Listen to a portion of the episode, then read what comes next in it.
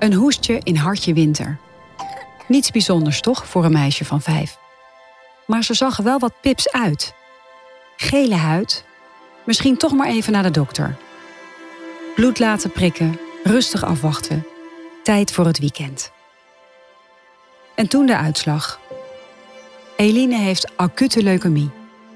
Een ongeplande en gevaarlijke reis gaat van start voor Eline en haar gezin. Een reis langs pijn, angst en ontreddering. Maar ook een reis vol verwondering. Want hoop blijkt sterker dan wanhoop. En de lach wint het van de traan. We zullen honderd keer breken en 101 keer helen. La vita è bella. Het leven is mooi. Want ze zit nu in groep 8. Natuurlijk gaat ze mee op kamp met haar klasgenootjes.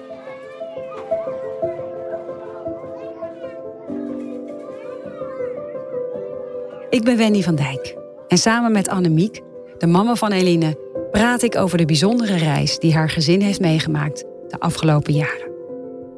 Dit is het levensechte verhaal van Eline.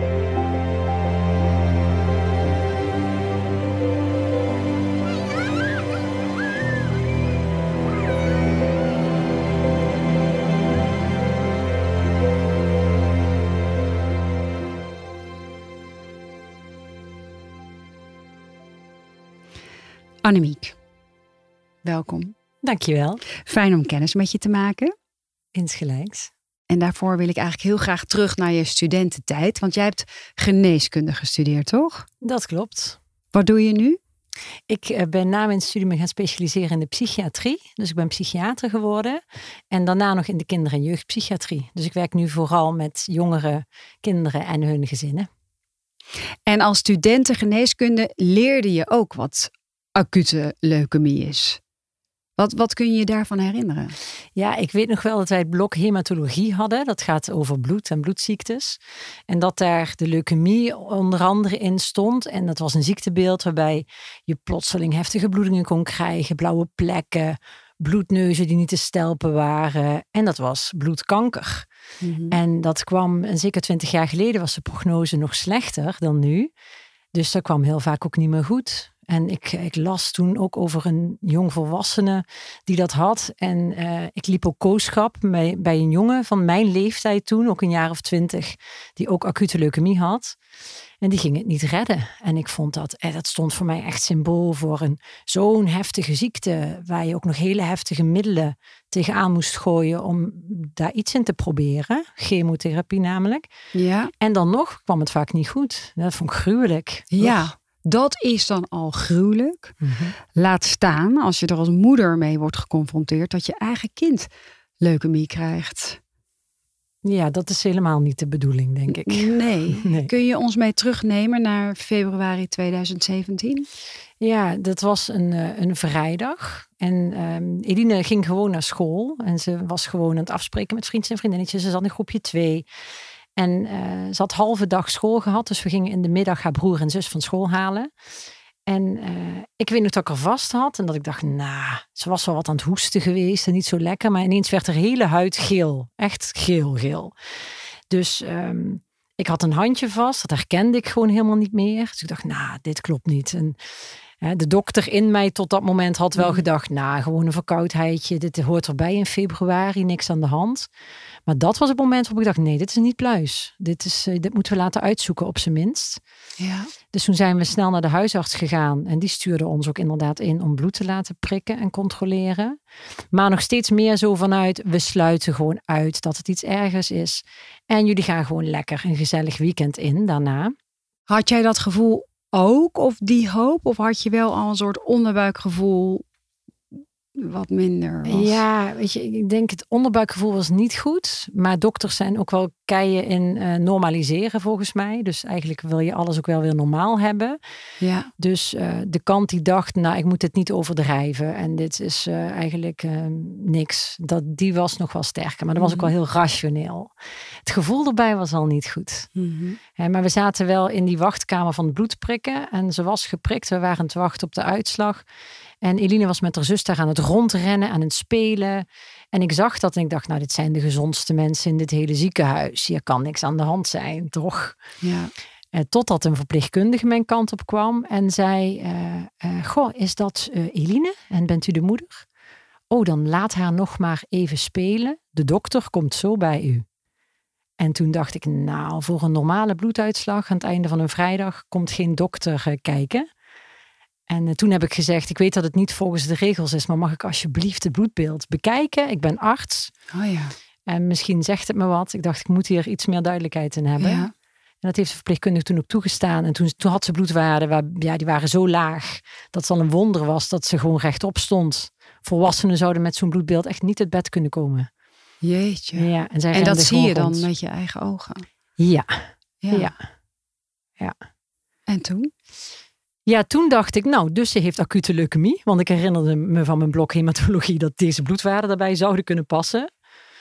Maar je wil dat zo niet. Je wil zo dat dat niet waar is. Dat, het, dat ik het ook meteen weer wegmaakte, denk ik. En dacht, oké, okay, Annemiek, niet te hard van stapel lopen. Laat de dokter maar eens eerst goed onderzoek doen. En dan horen we het wel.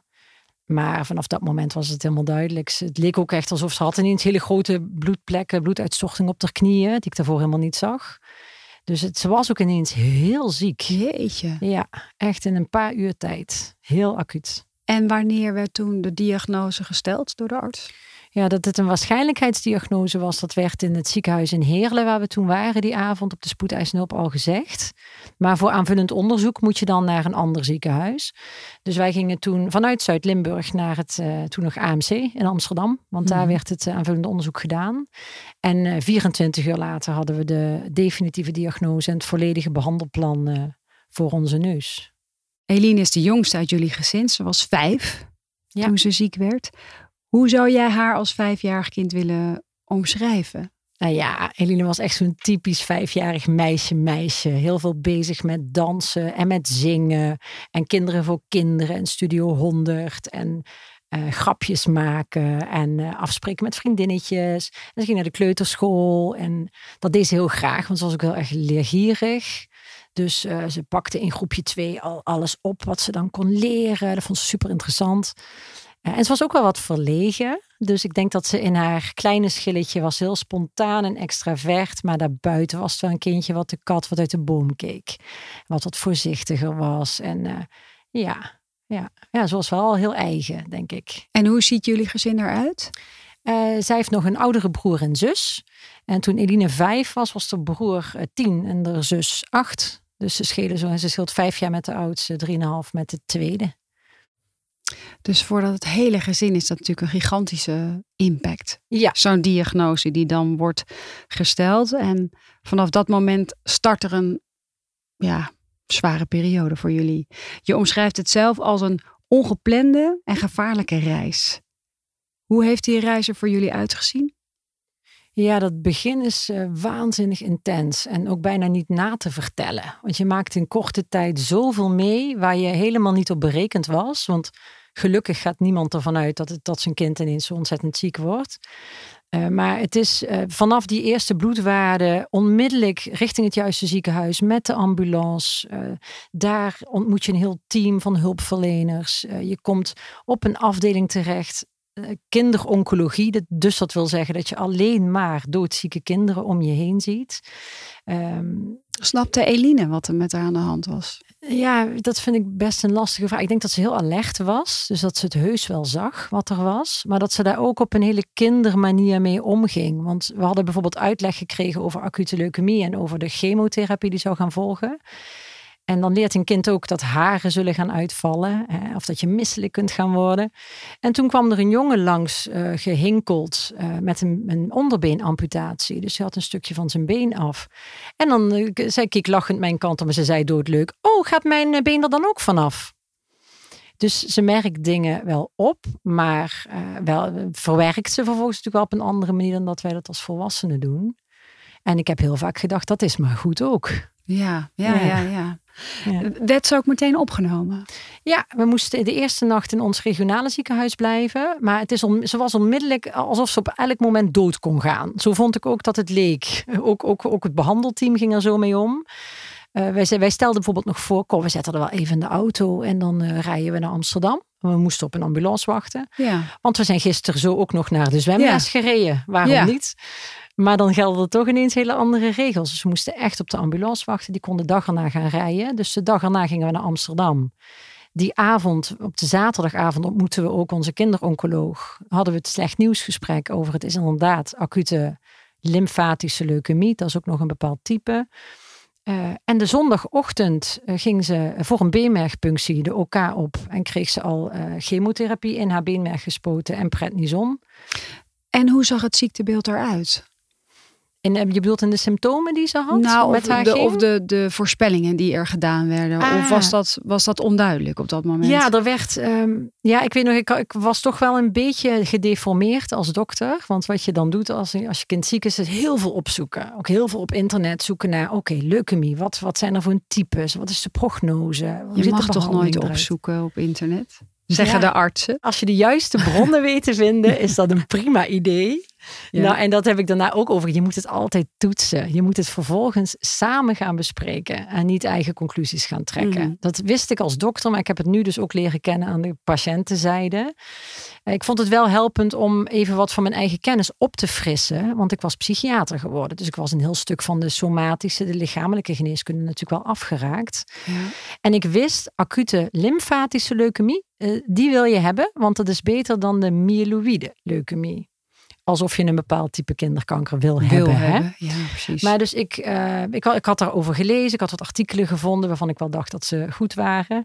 En eh, Joost, mijn, eh, mijn man, die, die maakte dit natuurlijk met mij samen mee. En die had al, al veel meer verdriet. Die had ik al zien huilen. Hij mij volgens mij niet, want ik was bezig met dingen uitpluizen en snappen. En we hadden het slecht nieuwsgesprek. En dat deden de kinderoncologen en de in Amsterdam dus heel erg goed. Heb ik veel van geleerd. Met heel veel rust en heel veel duidelijkheid. En dingen opschrijven. Want je krijgt niet alles meteen verwerkt. Nee.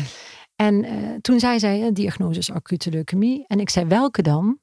En ze zei, ja, acute lymfatische leukemie. En ik ging, yes! Ja.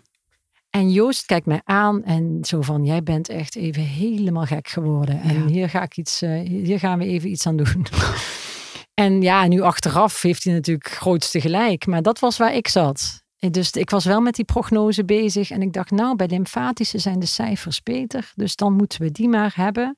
Dus na dat eerste slechte nieuws van de diagnose was ik heel erg bezig met, oké, maar elke volgende uitslag die we krijgen, moet de goede kant op. Ja. Maar jij stapte eigenlijk in de rol van de, van de professional in jouw werkmodus. Ja, de, Misschien- de eerste misschien wel- 24 uur wel, denk ik. Ja. Ja. vooral in dat begin. Ja, hoe reageer je als ouder? Ik bedoel, dat, Ja. dat kan je toch ook niet voorspellen? Kun je niet voorspellen. Nee. Totdat je erin zit en je merkt dat je dingen doet. En dat had je van tevoren nooit gedacht. En ook dat je dat anders doet, bijvoorbeeld dan je partner. Ja. Want eh, dat, heb ik, dat heeft Joost heel erg moeten leren begrijpen van mij. Maar ik ook van hem. Dat wij nu eenmaal anders met bepaalde situaties omgingen. Maar je hebt ook een functie om elkaar een beetje te corrigeren en bij de les te houden. Dus toen op die zaterdagavond Joost mij een beetje tot de orde riep. Van hallo, en eh, ons kind hè, jij mama hè. En eh, dokters hebben we nu om ons heen. Ja. Eh, dat heb ik me aangetrokken. Ja. En vanaf, ja, en eigenlijk vanaf die zondag kon ik ook niet anders zijn meer dan in de eerste plaats. Mama.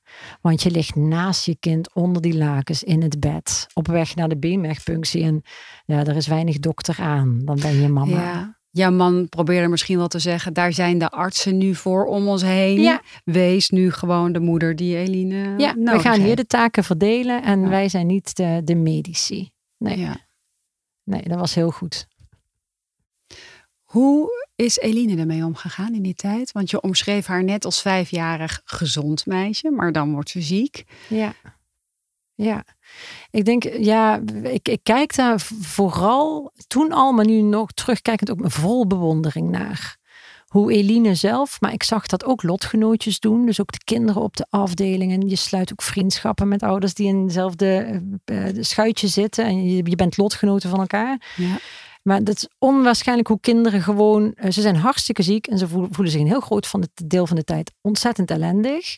Maar eh, ze kijken toch altijd naar wat wel nog kan. Dus ze blijven zich ook ontwikkelen, ze blijven leergierig, ze blijven in beweging. Dus je zou denken, die liggen de hele dag in bed. Maar die rennen daar over die afdelingen. Oh.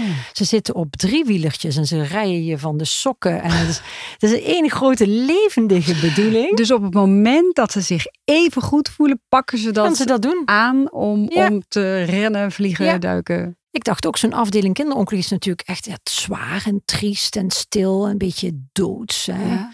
Maar er was leven. Bizar. Kinderen blijven dan toch Want kinderen, blijven bezig. En de verpleegkundigen spelen daarop in door bijvoorbeeld waterpistolen gevechten te houden. Of leuke drankjes met parapluutjes erin te maken. Dus er wordt ook wel telkens aangegrepen wat er wel nog kan.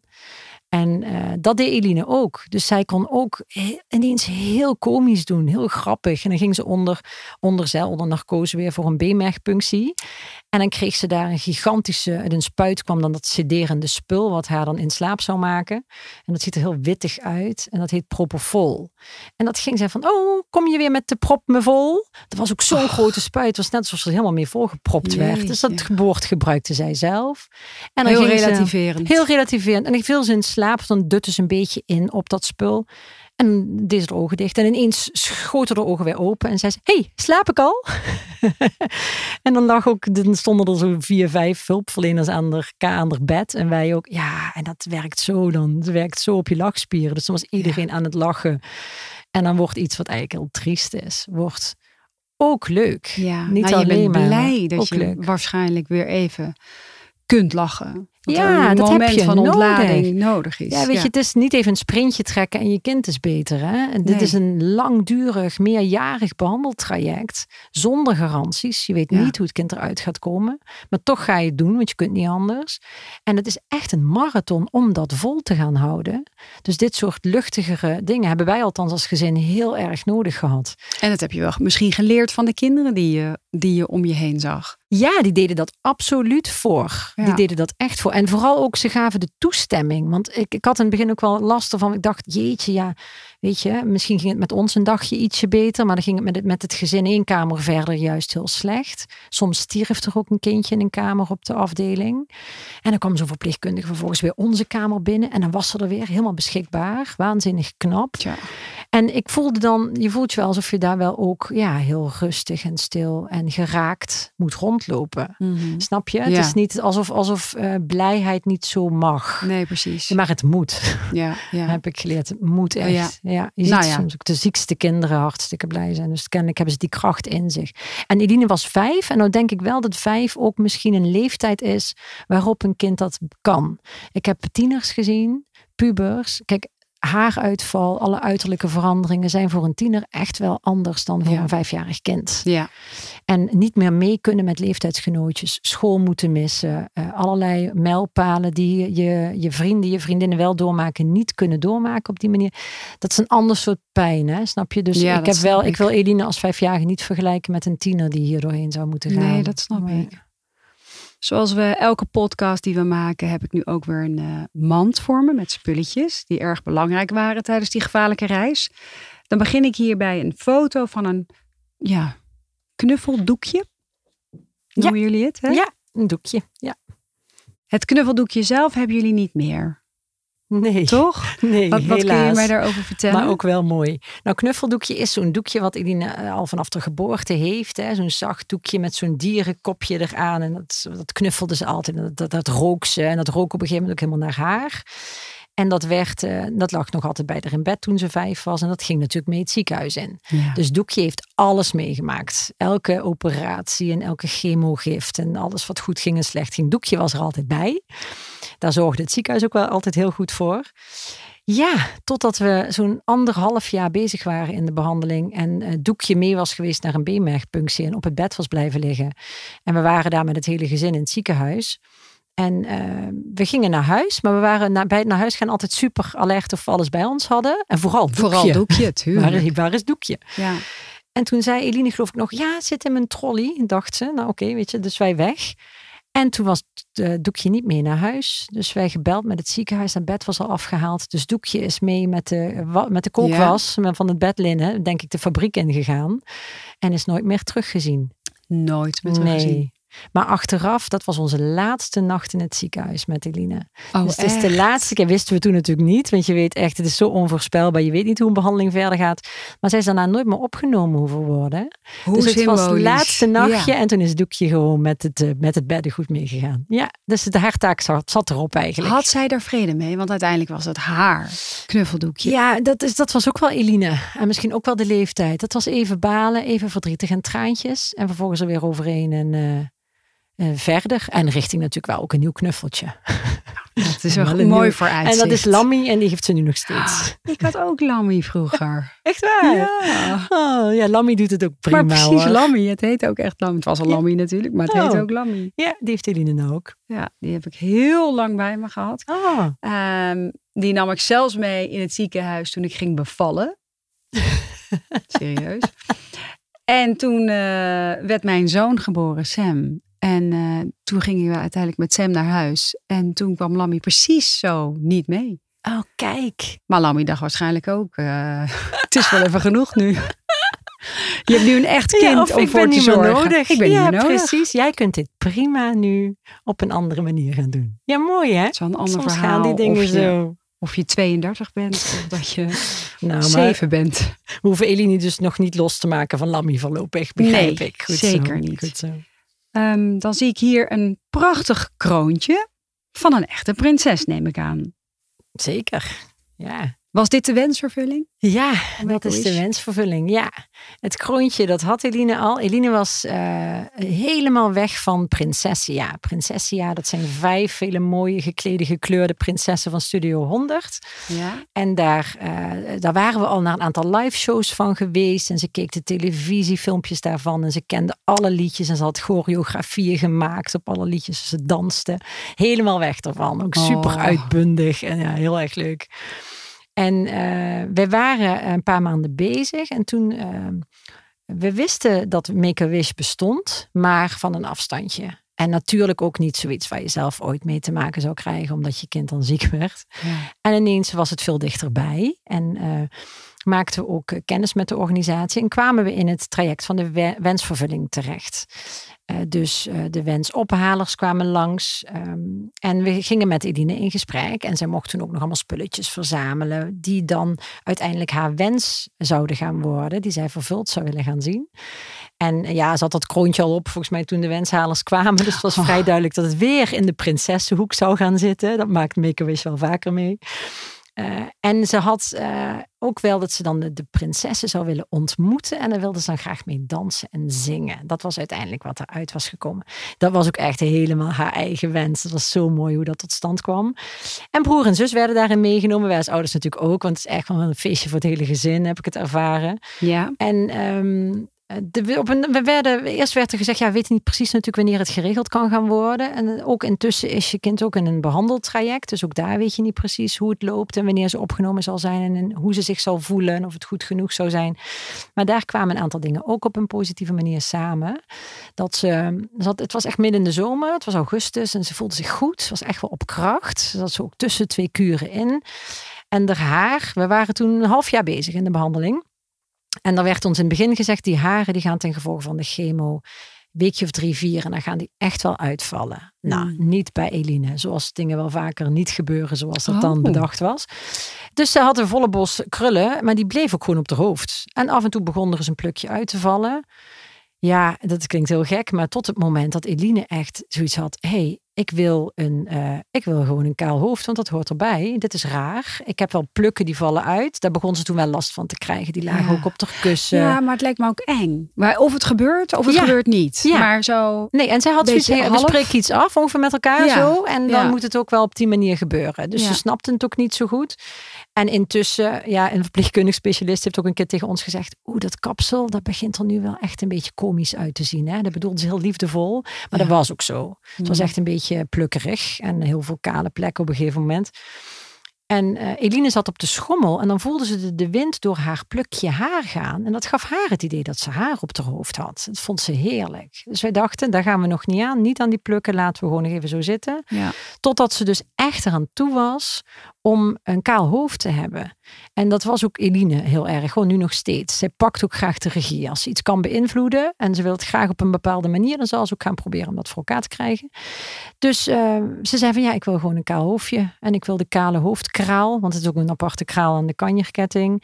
En ik wil, uh, een, ik wil mutsjes op. Die waren al worden gemaakt door een Hmm. hele lieve vriendin. Dus ze had ook, ze hoefde geen kaal hoofdje. Ze kon gewoon een mutsje opzetten. Dit gaan we zo doen. Nou, hebben we onze kapster gevraagd. Die is bij ons aan huis gekomen. Het is een heel, heel middagritueel geworden. Waarin zij de, eh, de echt de haren afgeschoren kreeg. En vervolgens hadden we kinderchampagne. Het was net alsof het een heel heugelijk feit was. Was het helemaal niet. Ah. Maar, Maar ze had wel de regie in eigen Ze handen had de regie genomen. en zij Ja. had ze, we hebben daar ook een hele film van en foto's van gemaakt. Dat zie je ook aan. Dat is echt zoiets van: dit moet zo zijn, dit gaan we zo doen. En een week daarna konden we op wensvervulling. Dus we zijn met een verse kale kopje en eh, het was heel warm en zonnig, dus dat kon ook gewoon zo zijn. Dat maakt ook uit, hè, dat het niet te fris is. En toen mochten we naar België voor de wensvervulling, naar een, een prachtige hotel. En we zijn met z'n vijven thuis sowieso gek op hotelovernachtingen. Dus we hadden een familiekamer in dat hotel. En de dag erna mochten we naar het grote eh, festival van Studio 100. Waar we dus eh, heel veel, we kregen kabouterplop en K3 er gratis bij, zeg maar. Maar wij kwamen voor Prinsessia. Ja. En toen mochten we achter de schermen en heeft Eline eh, de prinsessen ontmoet. En Ja. hoe kreeg ze dat kroontje op dan? Met haar Ja, kale bolletje? Ja, Eline vond het heel prettig om eh, een doekje op de hoofdje te doen. En want dat gaf er toch ook wel wat beschutting, denk ik. Ja. een beetje geborgen. En we hebben hadden een hele lieve vriendin en die wilde al die doekjes voor ons maken. In combinatie met een pyjama in hetzelfde motiefje. En sokjes in hetzelfde motiefje. Want Fashionable. ze moest er wel een beetje fashion uitzien, want dat was ook wel Eline. Ehm, en dan had ze dat, dat tijdens het spelen thuis al dat, dat prinsessenkroontje op haar doekje, op haar hoofdje. En dat was dan haar eh, prinsesselijke outfit. En zo ging ze ook naar de, naar de vijf prinsessen toe achter de schermen. En e- eigenlijk, als je daarop terugkijkt, dat was een totaal omgekeerde meet and greet. Het was echt meer alsof Oh. de prinsessen mochten bij Eline op audiëntie. Ja, ja, ja. En je zag ook wel dat die, eh, die meiden, die actrices, wel ook erg onder de indruk waren. Dus het was heel mooi dat ze daar, ze zaten daar gewoon met hart en ziel in. Dus dat werd voor ons een Lief. prachtige wensvervulling. Ja, en ze, heeft, ze zette op een gegeven moment een nummer in, wat een wat ouder nummer was voor de meisjes. En eh, die hadden zoiets, oh, wat is het zingen? En vervolgens vielen ze er meer stemmig bij.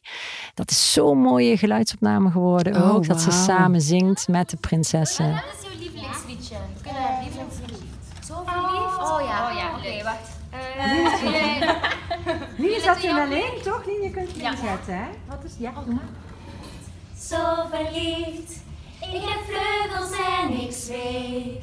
Over bergen, over verre stranden en blauwe zeeën. Zo verliefd, zo verliefd. Door jou voel ik dat ik leef. En ik leg mijn liefde in jouw handen. Ik ben zo verliefd. Oh, leuk zeg. Ja. Mooi. Hoe schat jij de waarde van zo'n wensvervulling in? Ja, als ik kijk naar onze eigen ervaring toen, dat hele proces van eh, dat, dat, dat het erover mag gaan, dat je iets leuks gaat doen samen. Terwijl, weet je wel, je midden in de ellende en de chemo en de misselijkheid zit. Ja. Eh, Dat, ik, dat de andere twee kids daarin werden meegenomen. Die mochten hun lievelingsdrinken uitkiezen en vertellen wat ze leuk vonden. Dat was voor hun ook echt een lichtpuntje. Alles staat natuurlijk vaak in het teken Ja. van het zieke zusje. Ja, dat was Iedereen zeker zo. rekening houden met het zieke Zeker in zusje. die fase was dat zo. Ja. Ja. Dus dat zij ook iets mochten eh, uitkiezen. En dat, dat we toch, we konden natuurlijk niet op vakantie. En het was augustus. En alle vriendjes en vriendinnen gingen met hun gezinnen op vakantie.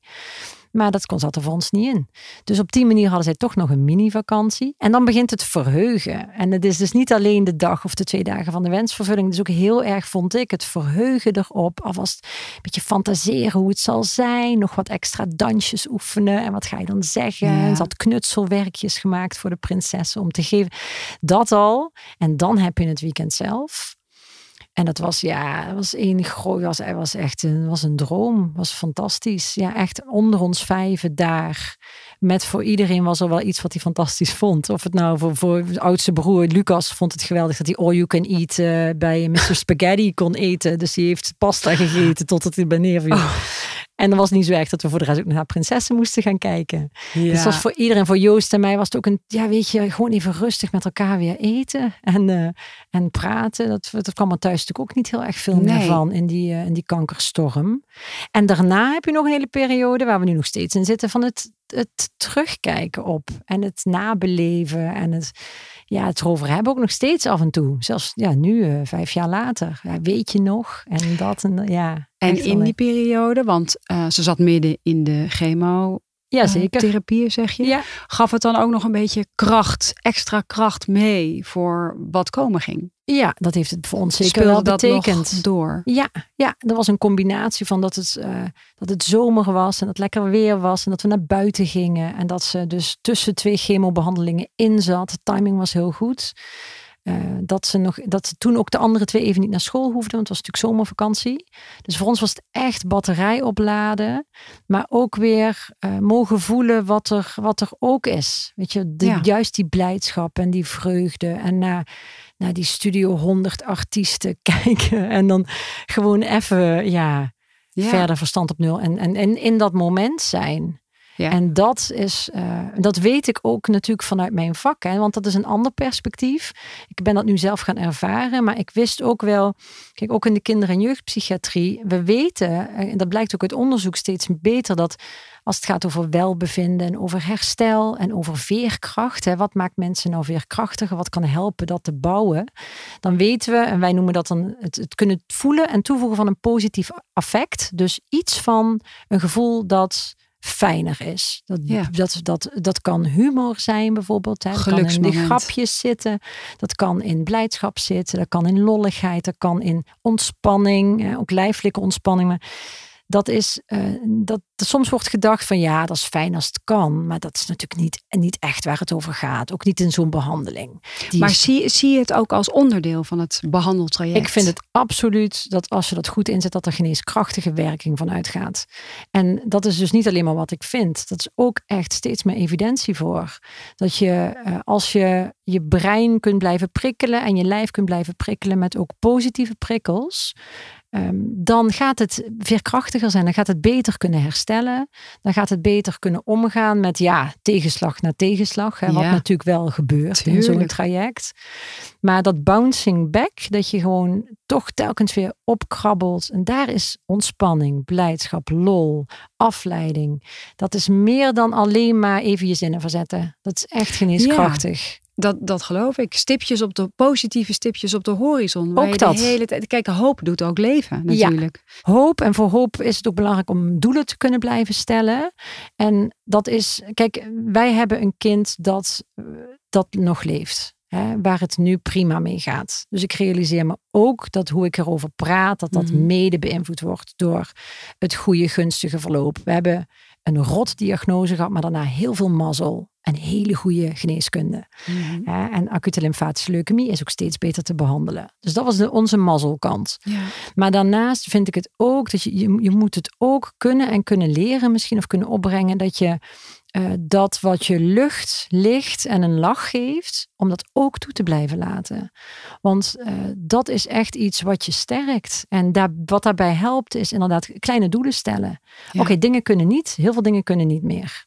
Hè, dat ze misschien eh, niet in groepje drie zou kunnen gaan starten. Nee, nou dat was dan zo. Of dat, ze, dat we niet op vakantie konden gaan. Prima. Ja. Gewoon al je verhouden tot een perspectief dat je niet weet of je kind het gaat redden. Of ze Ja. überhaupt een basisschool kan gaan afmaken. Geen idee. Nee. Maar dan toch daarbinnen zeggen, oké, maar wat kan er dan nog wel? Waar gaan we voor? En de wensvervulling was echt dat puntje in augustus, dat stipje waar we naartoe aan het leven waren. En zo waren er meer uitstapjes of kleine doelen of, of prettige dingen. Helpt de kanjerketting daar ook bij? Want dat is ehm, iets vanuit het ziekenhuis, hè? Wat, eh, Ja, het de- initiatief ja, vanuit het ja, ziekenhuis. de Vereniging Kinderkanker Nederland, VOKK was dat vroeger, die hebben dat geïnitieerd. Ja, En die eh, produceren ook de kralen.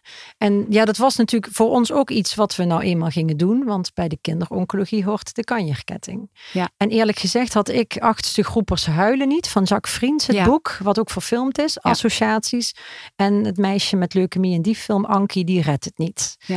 En dat is ook een verhaal van heel lang geleden. Toen waren, was de prognose ook veel ongunstiger. En ik dacht nou dat gaan we dus mooi niet doen. Wij worden niet zo'n kinderkanjerketting eh, gezin. Dat gaan we niet worden. Nee. Ik vond dat verdrietig. En ik kon me niet voorstellen dat je daar, dat je van kanker zoiets kleurrijks kon gaan maken. Want de, de ketting is heel kleurrijk. Alle kralen zijn ja, waanzinnig eh, fel. Maar hij is ook heel lang. Ja, we zijn er dus toch lang. mee begonnen in weekend nummer 1 van haar behandeltraject. Hij is nu 10 meter. Hij is zo'n 10 meter geworden. Ja. En wat me eraan is gaan opvallen, en dat is natuurlijk ook wel heel erg bij ons verhaal gaan passen. Dat zal niet voor iedereen misschien zo zijn, maar de kanjerketting is niet alleen maar we, we laten zien welke behandel, welke medische ingrepen, welke behandelingen er geweest zijn. Want die, die kralen zitten er ook aan. Hè? De Mhm. chemokralen en de operatiekralen, beenmergpunctiekralen en de radiologiekralen en zo. Maar eh, er zijn ook kralen voor de wat uitzonderlijke dingen, maar bijvoorbeeld de goede dag. Dus ineens ga je in een, dit was op een gegeven moment haar favoriete kraal, de roze. Een beetje, eh, dat is een kraal waarvan ze dacht, ja, die wil ik hebben. Want als ze een leuke dag had gehad, kreeg, was het de, de, de kers op de taart van die leuke dag, was dan deze kraal aan de ketting. Ja. En ja, ik moest overtuigd worden hoor. Ik had in het begin nog zoiets van, hm, echt waar? Ja. Maar de meeste waarden zijn voor ons de kralen gaan krijgen die ze zelf heeft mogen eh, afbakken. Dus dat was een hele sterke pedagogisch medewerker die wij hadden. En die zei, eh, ja, maar we hoeven ons niet aan de kralen te houden die, er, die bestaan hoor. We kunnen ook kralen op jouw maat gaan maken. En dat is sowieso geneeskunst, vind ik. Als je iets echt op de persoon gaat eh, afstemmen. ja. Dus zo eh, ging Eline kralen bakken. Die staan bijvoorbeeld hier een bruine hondenpootje met een voetafdruk van een hondje. Nou, dat was toen eh, Simba als pup in ons leven kwam. Onze labradoodle die we na drie maanden hadden aangeschaft. Ach. Ja, Ja. die ook trouwens van, van helende, waar helende en geneeskracht vanuit is gegaan. Gewoon een hondje. Ehm, maar zo is er ook een carnavalskraal. Want als eh rechtgeëigende Limburgers vieren wij natuurlijk carnaval. Dat ging ook telkens door. Dus dan heeft ze een rood, geel en groene kraal gemaakt. En zo is het een tien meter lang verhaal geworden. Wat chronologie vertelt. Want alles is in een tijdsvolgorde eraan geregen. Maar waar je ook ziet dat, dat de narigheid en de tegenvallers eh, zich afwisselen met de, met de lichtpuntjes. En ik kan me voorstellen dat er heel veel verwerking zit ook. Gek genoeg in die ketting. Dat zijn toch stapjes die je hebt gedaan aan afsluit. Maar als zij nu terugkijkt naar die ketting, wat pakt ze dan? Wat zijn, wat zijn dan haar mooiste kralen? Ja, dat, eigenlijk vindt zij het meest gruwelijke stukje de mooiste. Zij kijkt naar het begin, dus de eerste 20 centimeter, die eh, staan voor dat eerste weekend, hè, die vrijdagavond, die zaterdag, waar we het over hadden. Maar daar zit de ambulancekraal in, die vindt ze nog steeds prachtig. Plus het was haar eerste ambulanceritje ooit. Met Oh. mij samen van Heerlen naar Amsterdam. Toch wel een beetje tof. Vond ze toch wel stoer. En ze Ja. weet ook nog dat we ergens door rood reden. Nou ja, hoe cool kan het zijn, hè? Dus ze vindt die ambulancekraal heel tof. En er is een spoedopnamekraal, want dat was natuurlijk een ongeplande opname. Die heeft de kleuren van de regenboog, is een blokje. Vindt ze ook nog steeds prachtig. En dan gaat ze naar de kralen die ze zelf gebakken heeft. Ja, en dan gaat ze naar de Simba-kraal en zegt ze, oh, hij is nou al vijf. En toen was hij nog een pup. Oh. En, eh, en ze weet, weet je, het is ook niet zo dat ze natuurlijk elke dag naar die ketting kijkt. Hè? Het is voor een kind van tien ook hartstikke belangrijk om weer een beetje normaal te gaan doen. En eh, ze wil heel weinig met ziek zijn te maken hebben. Ja, uiteraard. En dat uiteraard. is er gegund. Ja, Maar dit kan er af en toe toch nog wel eh, ja, bij. En dan laat ze hem nog eens door de vingers gaan. En dan eh, kijkt ze naar die losse kralen. En dan, ja, dan, dan staat dat echt wel ergens voor. Ja. En ik denk dat dat de rest van haar leven zo gaat blijven. Ja. En dat ze in elke levensfase, dat dat weer andere accenten krijgt. Dat ze er weer op een andere manier naar kijkt. Hè, dat ze het als volwassene misschien dan nog eens erbij pakt. Hè? Ja. Of met, ja, wie Ja. weet. het is een onderdeel van je leven wat je natuurlijk nooit weg kunt stoppen. Nee, nee. Maar zo heb je het wel bijna gedocumenteerd. Ja, en we merken ook dat als je het met anderen, zeker in het begin, als je het met anderen erover wil hebben, je kunt erover praten. En dan zeggen mensen, oh jee, wat erg. Oh, dat lijkt me echt de grootste nachtmerrie. Oh, verschrikkelijk, waar jullie doorheen gaan. Maar als je het illustreert, als je dingen laat zien, zoals die kat, het is toch wat verbeeldender. Hè? En het is wat, het is tastbaar. Ja. En dan eh, ze heeft ze ook, Eline is ook een presentatrice, dus ze houdt spreekbeurten en ze spreekt ook op congressen. Maar toen hield ze een spreekbeurt in haar groepje drie of vier. En dan was ze aan het vertellen, maar toen die ketting op tafel kwam, toen waren alle kinderen en de leerkrachten ook, wow, wat Ja. is dit? Ja. En toen Ja. was die vijf meter of zo. Ja, Dat maakt een ander soort Ja. indruk. En je kunt er dingen mee verwoorden en eh, ja, vertellen, uitleggen. Ja, het heeft heel veel functies. Ik vind, het, eh, ik vind het dus nu een hele goede uitvinding. Ja, dat vond ik eerst niet. maar, Nee. eh, hier is een filmposter, zie ik, van La Vita è Bella. En dat heeft ook een bijzondere betekenis voor jou, hè?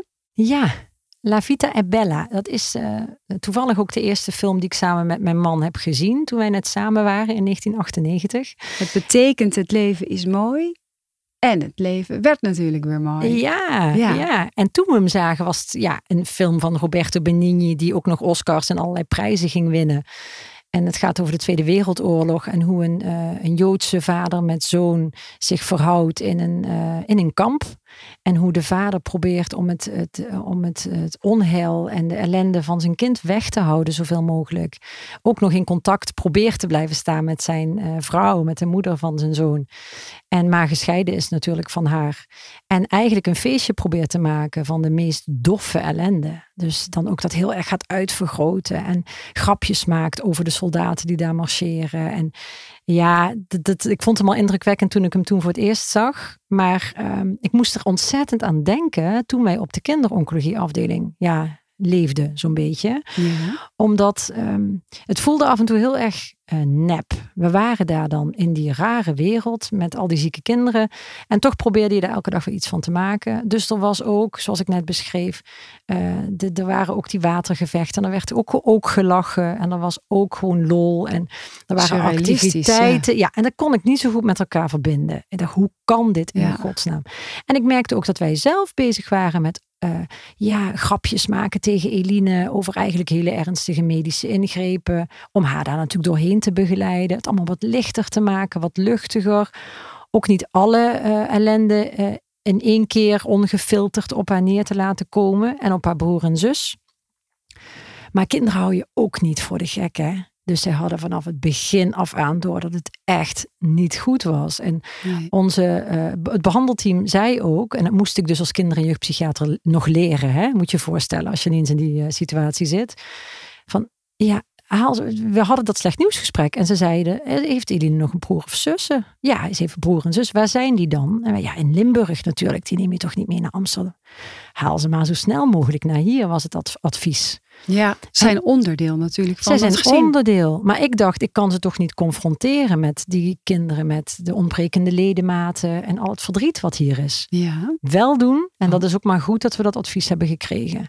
Want kinderen moet je niet onderschatten. Ze hebben toch door wat er is. Je kunt het inderdaad op, een, op hun leeftijd, op hun niveau, hè, afgestemde manier bespreken.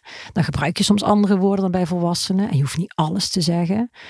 Maar we bleken toch wel echt goed in staat om met broer en zus ook daar toch echt het gesprek over te gaan. ja wat goed. En Want je zij hebt gaan natuurlijk de dan- neiging om ze te beschermen. Ja. En, en de, Komt de, wel goed. de mooie en, eh, kant van de wereld te laten zien. Maar ja, wat als het niet goed was gekomen? Ja. Dan was de klap waarschijnlijk En je, wil, je moet nooit jokken. Dus geen dingen tegen kinderen zeggen als het komt wel goed als dat niet zo is. Als je het niet zeker nee, weet. Nee. Of ze gaat 100% zeker beter worden. Of dat soort dingen. Maar je kunt dus in alle eerlijkheid en transparantie echt met je kinderen hierover eh, in gesprek. En daar werden we ook heel erg in ondersteund. Door het behandelteam. Door een bibliotheek die daar was. Door een pedagogisch medewerker. Die ook allerlei boekjes hadden. En allerlei op de kids geschreven en getekende informatie. Waar zij heel veel mee konden.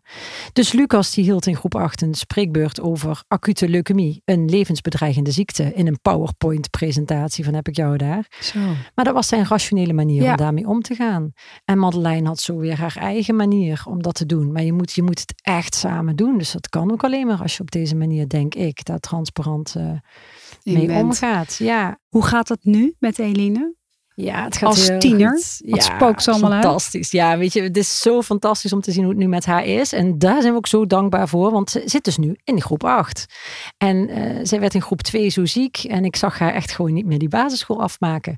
En nu gaat ze eh, op schoolkamp dit jaar en ze gaan werken aan de musical. Nou, ze zal vast een hoofdrol te pakken ja, willen met krijgen. dat zingen Ja. van haar. Ja. En ze, ja, ze heeft gewoon eh vriendinnetje. Ze wilde dolgraag hockeyen. Dus ze hockeyt nu in meisjes D1. En het gaat hartstikke goed. En aan haar haar, ook aan haar fysiek, zie je helemaal niet dat ze ziek is geweest. Zo. Want een ander stuk mazzel is dat ze ook nog eens zonder eh, ernstige restverschijnselen hierdoorheen is eh, gekomen. Want veel kinderen genezen wel van de ziekte, maar hebben ten gevolge van bijvoorbeeld medicatie of andersoortige behandelingen echt nog wel heel veel restverschijnselen. Dat is ook niet zo. En dat maakt ons zo waanzinnig dankbaar dat Ja. eigenlijk elke dag wakker worden met dat dat zo is, is eigenlijk al genoeg. Dat snap ik. Ja. Hoe heeft de ziekte Eline veranderd? Ja, dat is op zich natuurlijk voor mij als mama best wel lastig te zeggen. Want ik heb geen Eline naast haar die die ziekte niet heeft meegemaakt. En die ook van vijf tot tien is eh, geraakt. Hè? Maar wat ik denk is, ze was dat introverte, best verlegen Limburgse meisje. Ze is wel echt mondiger geworden. Die laat zichzelf niet meer zo snel iets gebeuren. Oh, Ze ontwikkelde in Amsterdam ook echt serieus een harde G. oh echt? Ja, Zo was- lang was ze hier. Ja. Ja, zo lang was ze er. Ehm, maar ze werd ook, eh, ja, ze leerde echt voor zichzelf op te komen. Bijvoorbeeld door als er weer een zoveelste verpleegkundige haar kamer opkwam. Dan, zij ging op een gegeven moment zeggen, hey, wie ben jij nou weer en wat kom je voor me doen? En de meeste verpleegkundigen stellen zich wel voor, geven hun naam. Maar ik denk, als je dat hoort als verpleegkundige van een kind, van, oh ja, wacht eens even. Dit is helemaal niet vanzelfsprekend dat ik die, ik kom die belevingswereld, die kamer van Ja. zo'n kind, van zo'n gezin binnen. Ik moet vertellen hè, wat, het, wat ik kom doen. Ik moet duidelijk zijn. Dus Eline heeft echt eh, heel duidelijk voor zichzelf wat ze oké vindt en wat niet. Grenzen stellen. Ja, ze stelt er grenzen. Ze weet ook dat het zich loont om, eh, om de regie dus te pakken, daar waar het kan. Dus eh, daar heeft ze ook heel veel succeservaringen mee op mogen doen. Dus dat, dat doet ze denk ik nog wel steeds wat vaker. En eh, wat ze zelf wel vaker zegt is ook van, ja mama, als mensen dan vragen wat heb ik geleerd, dan zeg ik wel vaker van nou wel, wel eh, doe maar vooral leuke dingen, hè? want je weet nooit of je er morgen nog bent. Ja. En dat is best een heftige uitspraak, maar Maar, maar, simpel, maar waar zo natuurlijk. voelt ze hem wel ook echt. Ja. En wat ze, eh, kijk, dat, bijvoorbeeld dat ze nu eh, congressen toespreekt en medisch studenten op de universiteit toespreekt en dan les geeft over haar behandeltraject en wat voor haar heeft gewerkt, hè, wat dokters en verpleegkundigen deden en Les zeiden. geeft? Zij geeft les, ja Hoe- zeker. wa- wacht Ja. even hoor. Ja. Ja. Hoe, Ze geeft les. Ja, zij is, eh, nou, dat is vanuit het boek gekomen dat ik heb geschreven. En dat is ehm, wel opgepikt. En daar kwam op een gegeven moment ook de vraag van, goh, we willen onder andere aan de Universiteit Maastricht de geneeskunde, de zorg, veel persoonsgerichter maken. Dus daarbij willen we ook veel meer aandacht besteden aan de mensen die het hebben meegemaakt. Dus ervaringsdelers, ervaringsdeskundigen aan het woord laten. En niet alleen maar voor de leuke of voor erbij, maar echt in onderwijsmodules. Dus de Universiteit Maastricht en Stichting Mens Achter de Patiënt, die is dat gaan ontwikkelen en dat wordt steeds meer uitgebreid. Dus Eline heeft daar bijvoorbeeld aan tweede en derdejaars geneeskundestudenten een, eh, een college gegeven, 100 stuks. En dan vertelt ze over de do's en don'ts als je werkt met een ziek kind. ongelooflijk Ja. toch? Dat verlegen meisje van vijf. En ze heeft het ook al in het Engels gedaan voor een internationaal congres. Ja. Hè? Ja, dat kunnen tienjarigen tegenwoordig hè, met TikTok en zo Ja, en ja, internet. Dus dat is in het Engels. En dan zie ik haar ook opbloeien, omdat ze dan het idee heeft, ik kan dat wat ik heb meegemaakt en wat heel vaak ook helemaal niet leuk was. Ze zegt ook, het was meestal eh, geen leukemie, maar het was wel leukemie als het zo ging. Ja. Dus er waren ook leuke dingen aan. de Leukemie is een heel stom woord Ja. ook. Ja, maar soms waren er leuke dingen aan. En sommige dingen waren inderdaad heel stom. En dan giet ze dat in een soort van formatje van wat kunnen jullie daar als bijna dokters. Of dat doet ze ook voor verpleegkundigen of voor andere studenten. Wat kunnen jullie daarvan leren? Wat hebben jullie van haar geleerd als ouders? Oh, zo ontzettend Als gezin. veel. Daar is Ja. deze podcast veel te kort voor. als ik dat zou moeten beschrijven. Ja, dat, ehm, dat onderschat nooit een kind. Dat is denk ik wat ik echt heb geleerd. Dat, je, eh, dat een kind tot zoveel in staat is. En dat je daar best in mag volgen. En dat dus de blijdschap en de, die kinderen kunnen tonen. En hoe ze hun zinnen kunnen verzetten. Dat dat ook heel krachtig is. En heel geneeskrachtig is. Dat je het gelijkwaardig moet zien. En dat je daarmee dus ook in je, of je op wat voor manier denkt dat je dan ook met kinderen te maken kunt krijgen. Of, of ze nou je eigen kinderen zijn thuis, of dat je leerkracht bent op school, of dat je in de zorg werkt met kinderen, of op wat voor manier dan ook.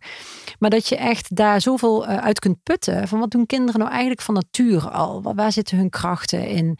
Eh, er een, een, telkens een positieve draai aan geven, hè? Of, of creatief iets aanwenden om met problemen om te gaan, of de woorden die ze kiezen, of de, de sport of de dans die ze kiezen. Hè, dat ze ook niet alleen maar praten. En dat we vooral niet moeten denken, ja, kinderen zijn dus naïef en onwetend en jong. Dus laten wij het maar voor ze bepalen. En dit is wat we gaan doen, want dan schiet je echt een doel voorbij. Het kan echt veel beter. Jij persoonlijk, van Eline. Mhm. Ik van Eline. Ja. Ehm, ik denk wel eh, wat minder moeilijk doen over dingen. Dat kon ik wel. Ik kon natuurlijk wel zeiken over allerlei triviale zaken. Ook al was ik een genieter en een Bourgondier. Maar eh, wacht eens even naar het nu. En even, laten we even een dansje doen. Of even een knuffeltje.